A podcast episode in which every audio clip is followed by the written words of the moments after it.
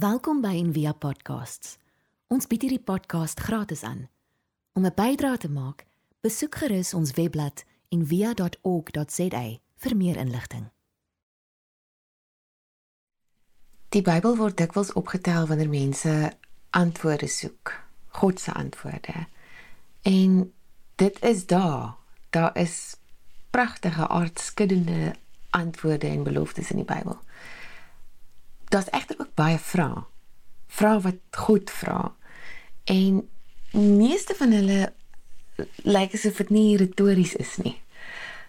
God vra ons om om om die antwoorde uit te werk in die fynste detail van ons lewens om ons lewens as antwoorde te gee op hierdie vrae.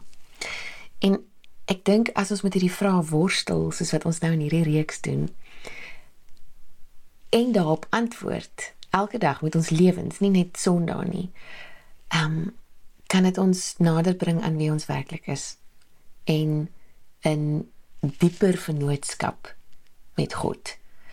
Ek gaan baie die die woord vennoot gebruik, maar eintlik deelgenoot. Die Engels sal wees partners. God is op soek na partners, deelgenote in die koninkryk. En ek dink dit is werklik die uitnodiging van die vraag. So in Exodus 3 ehm um, kry ons 'n baie bekende verhaal van die roeping van Moses en ek gaan dit net so vinnig weer lees die eerste paar verse. Moses het die kleinvee opgepas van sy skoonvader Jethro, die priester van Midian. En toe hy die kleinvee agter die woestyn gedryf het, kom hy by die berg van God by Horeb. Daarop verskyn die engel van die Here aan hom in 'n vuurvlam uit 'n doringbos En toe hy weer sien brand die doringbos in die vuur, maar die doringbos word nie verteer nie. En Moses sê: "Laat ek tog nader gaan om hierdie groot verskynsel te bekyk. Waarom die doringbos nie verbrand nie?" Toe die Here sien dat hy nuuskierig nader kom, roep God na hom uit die doringbos en sê: "Moses, Moses, En hy antwoord: Hier is ek. En hy sê: Moenie nader kom nie. Trek jou skoene van jou voete af, want die plek waar jy op staan is heilige grond. En dan gaan die storie aan van hoe hoe God vir Moses roep. En dan tel ons hom weer op wat ons voorgeles het um, in die liturgie die begin van hoofstuk 4. Toe antwoord Moses en sê: "Maar as hulle my nie glo en na my stem nie luister nie, maar sê die Here het nie aan jou verskyn nie." En daarop vra die Here vir hom: "Wat is daar in jou hand?" En hy antwoord: "’n staf." Die eerste ding wat wat vir my uitstaan in hierdie ehm um, ontmoeting is dat Moses by die werk is. Hy's besig om sy skoonpa se skape op te pas.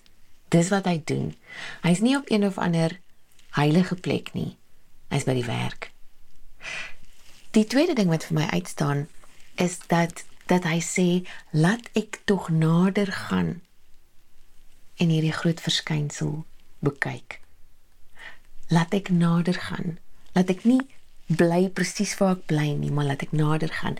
En dan sê dit en toe die Here sien dat hy nuuskierig is, dat hy nuuskierig nader kom, dat hy sy sy gewone rotine dat hy sy werk gestop het vir 'n oomblik aandag geskenk het dat hy nie te besig was om nuuskierig te wees nie toe het God na hom geroep en gesê Moses Moses Dit is eintlik al wat Moses reg gedoen het in hierdie storie. Dit was soos enige Dinsdag by die werk. Die enigste verskil was hy het vir 'n oomblik gestop. Hy het in sy spore tot stilstand gekom en nader gegaan. En God sê in om dit te te parafraseer, God sê Moses ek soek 'n vernoot Ek soek 'n deelgenoot. En dan begin Moses soos um meeste van ons ook sou seker met sy lys verskonings. Hy gebruik vyf verskonings. Hy sê eers ek is nie goed genoeg nie. Dan sê hy wat as hulle nie na my luister nie. Dan sê hy ek het nie talente nie of ek het nie die die regte talente vir hierdie job nie. Dan sê hy wat as ek misluk? En dan sê hy wil u nie eerder iemand anders vra nie. En God se enigste antwoord op hierdie verskonings is nog 'n vraag. Hy sê wat is in jou hand? En in ehm um, in Adam se vertaling hy sê so maar die Here sê vir hom jy sal jou mense lei wat is in jou hand en Moses sê 'n staf nou vriende dis al wat hy gehad het hierdie man van God. 'n staf 'n dooie stok en boonop hy nog 'n hakkelhok dit lyk nie asof daar veel in Moses se gunstel in hierdie ontmoeting nie. En ek dink dis die volgende ding wat vir my wat vir my uitstaan dat dit nie afgehang het van Moses se tekortkominge of die goed wat hom laat uitstaan of sy uitsonderlikhede dat God hom hier geroep het nie. Daar's 'n hele paar ander plekke in die woord waar dit lyk asof God vir iemand sê, "Wat is in jou hand?" Nie wat is in iemand anders se hand nie nie nie wat maak jou uniek nie. Wat is in jou hand? Dink die ander groot voorbeeld is in Johannes 6 wat daar 'n hongerskare voor die disippels en voor Jesus sit en almal en die disippels kry omtrent 'n panic attack. En ek kom sien die aan en Jesus vra wat is in jou hand? En dis vyf broodjies en twee visse en daarmee voed hy 'n hele skare. D.L. Moody het geskryf Moses spent his first 40 years thinking he was somebody. He spent his second 40 years learning he was a nobody. And this waar ons nou inkom met hierdie verhaal. And his next 40 years discovering what God can do with a nobody. Moses se roeping of dan sy afsondering ehm um, en daarmee bedoel ek nie sy om op, op om apart te leef nie sy die manier hoe God hom eenkant plaas en hom roep is eintlik om saam te wees. Ehm um, die Engelse woord sou wees consecrated. Sy roeping vind plaas deur omstandighede sy omstandighede en sy volk se nood. Waar hy is en wat hy sien. Dit is um dis asof God wil sê toe hy vra hoekom ek? Asof God sê omdat jy gesien het hoe my volk swaar kry. Omdat jy die mense se swaar kry gesien het. Omdat jy gebore is waar jy gebore is. Omdat jy gestap het waar jy gestap het. Omdat jy geval het waar jy geval het. Ook dit omdat jy opgestaan het toe jy opgestaan het. Omdat jy gesien het. Omdat jy sien. En ek glo dit is wat God steeds vandag vir ons elkeen sê. Dis asof hy wil sê ek eer elke tree wat jy gegee het tot hier. Nie net jou talente en jou gawes nie. Waar jy is, hoe jy is en wie jy is. God roep Moses om met hom in vennootskap te gaan om hoop, verligting, vryheid, vrede en bemagtiging te bring in 'n wêreld waar waar nood eintlik grootliks seëvier. Soos by ons waar as ons al die nood rondom ons raak sien, dit baie keer so verlammend is dat ons vergeet om te kyk net wat in ons hand is. God roep nie net Paulusse en predikante en sendelinge om om te deel in hierdie die visie wat hy het vir 'n bevryde wêreld nie. Ehm um, Trevor Hudson sê die belangrikste sendingreis wat jy ooit sal onderneem is nie die een Mosambiek toe of in Botswana toe of in Indië toe nie.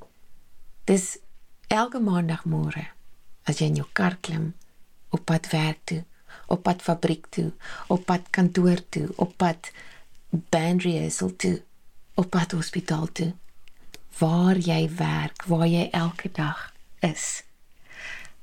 Of by die huis as die meeste van jou werk by die huis is. Um kindwerk is is ook werk. Dis ook jou jou jou sendingveld. Dis die dis die primêre plek waar God jou roep om sy disipel te wees. Om heling en bevryding vir die mense rondom jou te help um bewerkstellig om om God se deelgenoot te wees daarin.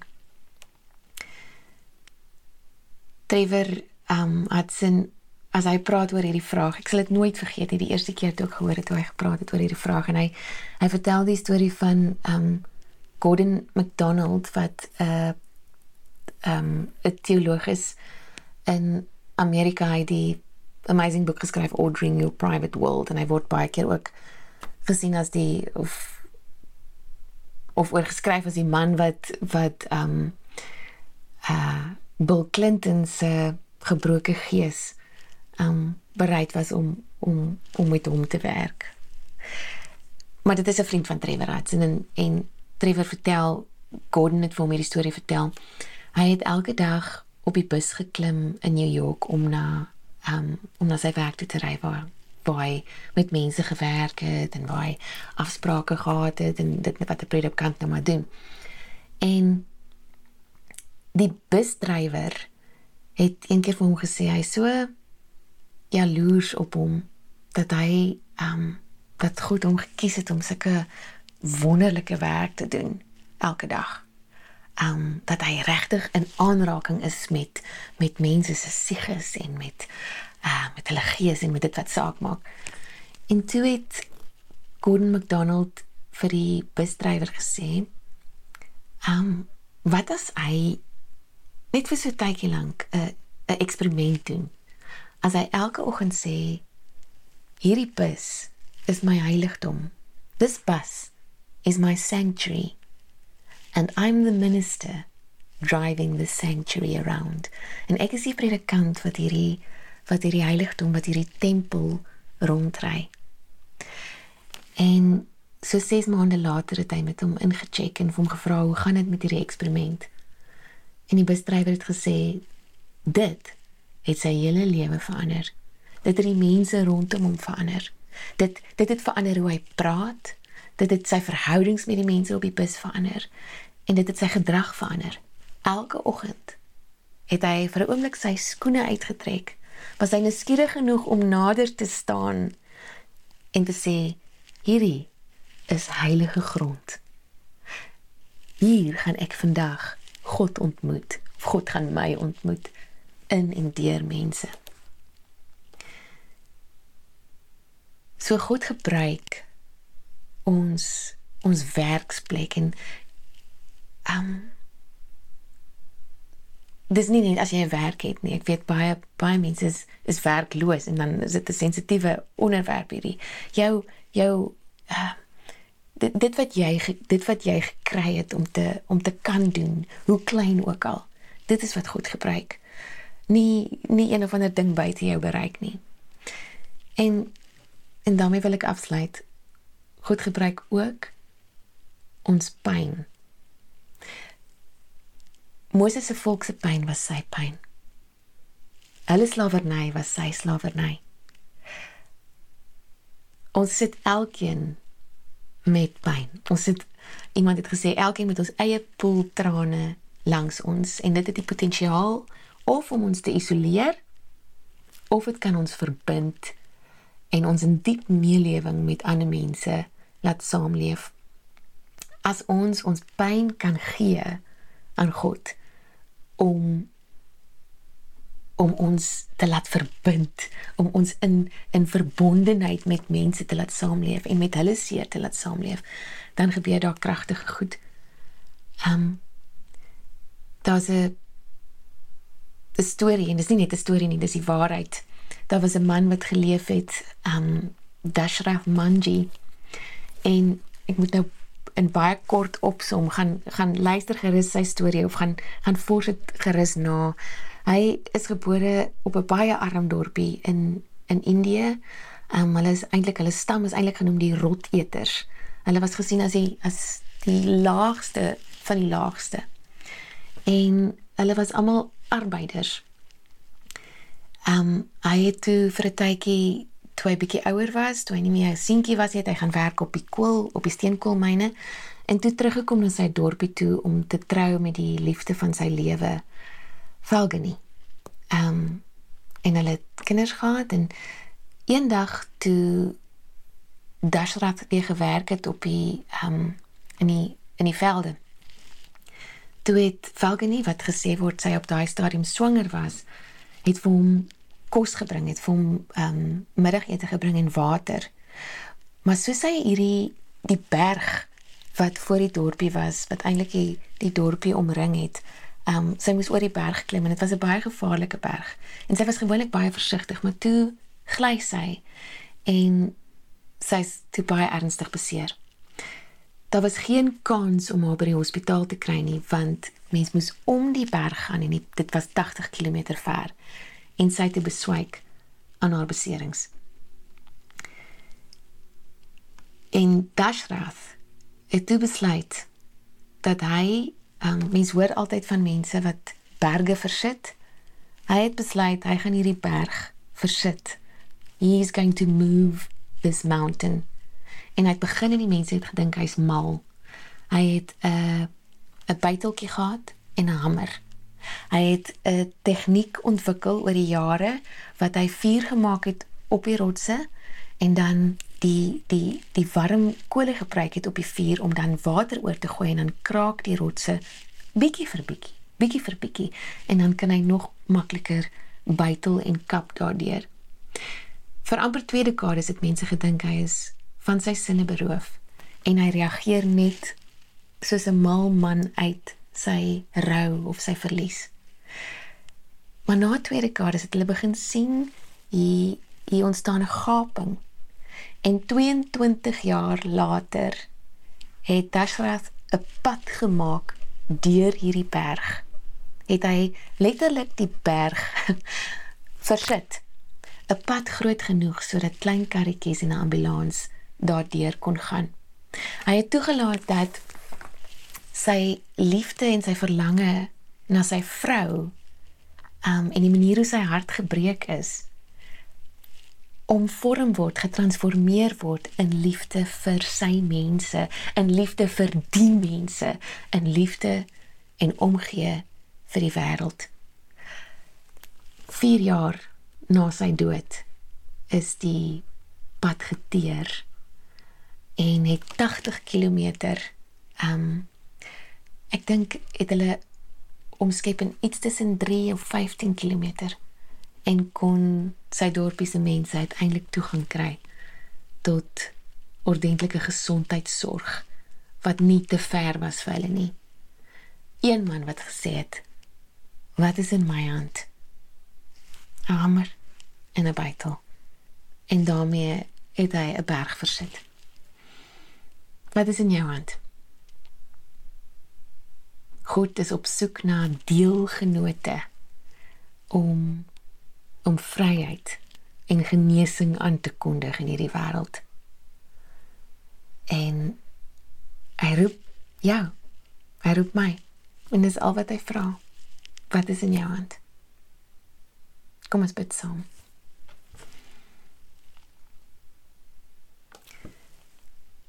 Here ons dank U vir oggend. Nie net vir ons gawes en ons talente nie, maar ook vir ons tekortkominge, ook vir ons beperkings.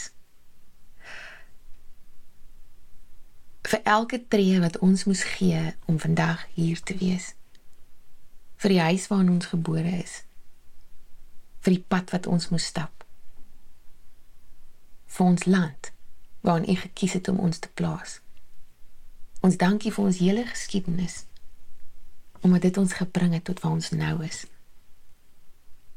En Here dan vra ek U vir die vir die nuuskierigheid om nader te stap, om nie toe te laat dat my geskiedenis al is wat bepaal waar ek op pad is nie. Maar dit vertrou om ons gegewes, ons gegewens, dit dit wie ons is te omvorm en u genade deur ons te laat vloei om groter goed te doen as wat ons ooit in staat sou wees tot om om deelgenode te wees in u in u visie vir 'n wêreld ah, waarin genesing en vryheid vrede en liefde die boot toe invoer help ons om die nood te sien rondom ons en om gewillig te wees om dit wat in ons hand is oop te maak vir u om te gebruik. Amen. Ons sê elke week dankie nie omdat dit 'n gewoonte is nie, maar ehm um, dankie weer eens vir elkeen se bydrae om ook dit wat in jou hand is en dit of dit wat in jou beursie is, ehm um, ook 'n deel daarvan by te dra tot hierdie tot hierdie reis waar waarop ons saamloop um, om hierdie pad en ons gegewens wat ons bymekaar gebring het uh, saam aan te wend. Jy kan die bankbesonderhede kry op um Envia se webtuiste of die SnapScan kode gebruik.